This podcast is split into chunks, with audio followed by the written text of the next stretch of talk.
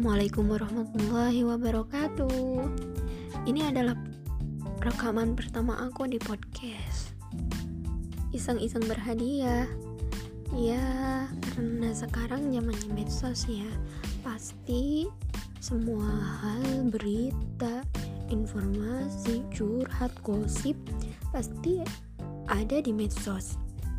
Begitupun juga dengan aku Nah, apa ya yang akan aku ceritakan? Penasaran gak? Kali ini aku akan sharing terkait tema menjadi pribadi yang kuat. Kok bisa ya menjadi pribadi yang kuat? Hah, aku bayang karena apa? Karena hari ini banyak hal yang mungkin menjadi masalah terhadap diri kita dan akhirnya kita menjadi orang yang sangat lemah menghadapi masalah-masalah yang ada dalam kehidupan kita. Apalagi ya usia kita yang bertambah pasti tuh masalah akan lebih bertambah dan tambah berat. Ya kebayang ujian. Yang dialami oleh anak SD tentu beda ya dari yang mau menyusun skripsi. Apalagi aku yang udah berumah tangga pasti masalahnya lebih rumit dari yang menyusun skripsi. Nah ada kabar baik tapi apa itu karena seiring bertambahnya ujian yang kita dapatkan di kehidupan kita, Allah telah memberikan sesuatu yang istimewa, yaitu derajat yang lebih tinggi dari sebelumnya. Kebayangkan? Maka dari itu, aku ingin sekali sharing sama kalian biar kita sama-sama jadi pribadi yang kuat meskipun banyak sekali tantangan, rintangan, dan juga masalah yang kita hadapi di, di kehidupan kita. Apalagi sekarang zamannya pandemi. Semua serba susah, ekonomi susah, nyari jodoh juga susah kali ya. Hehe.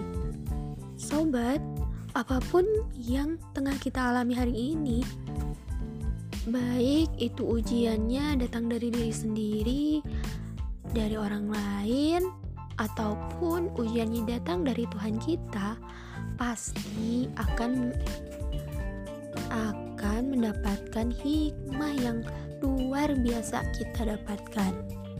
Aku ambil contoh deh. Saat ditimpa sakit misalnya. Flu mah yang kambuh, demam, pasti mengharuskan kita istirahat, betul gak sih? Nah, kadang-kadang kalau pikirannya negatif, kita menganggap kalau rasa sakit itu merupakan ujian, terus katanya Allah gak sayang sama diri kita. Tapi justru kalau aku memandang ya, Allah itu lebih tahu apa yang sedang kita butuhin. Bisa jadi kita terlalu memporsir badan kita sampai akhirnya kita sakit. Ini artinya Allah lagi senang-senangnya sama kita. Allah ingin diri kita itu istirahat sejenak. Demam dua hari tiga hari membuat kita harus istirahat di rumah. Artinya badan kita cukuplah untuk istirahat dari segala aktivitas yang kita lakukan selama ini. Ngampus, ngajar, atau ngurusin anak, hehehe. Nggak gitu juga kali ya, karena ngurusin anak itu kegiatan sepanjang masa. Insya Allah ikhlas.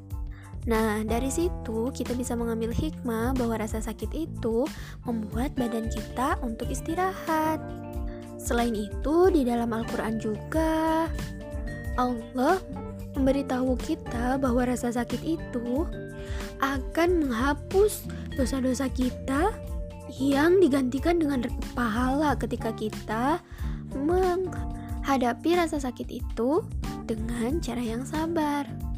Seperti yang pernah dialami oleh sahabat sahabiah Rasulullah ketika beliau mempunyai penyakit ayen di mana sering terjadi kambuh sampai akhirnya dia kejang-kejang di tengah jalan. Dan akhirnya meminta Rasulullah ya Rasulullah sembuhkanlah penyakitku ini. Namun apa yang dikatakan Rasulullah Shallallahu Alaihi Wasallam? Apakah benar kamu ingin penyakit ini sembuh darimu apakah kamu tidak ingin mendapatkan pahala ketika kamu dengan sabar menghadapi penyakit ini maka sah sahabiah ini menjawab dengan tegas dan dengan nada yang yakin Ya Rasulullah, Insya Allah aku akan sabar dengan penyakit ini.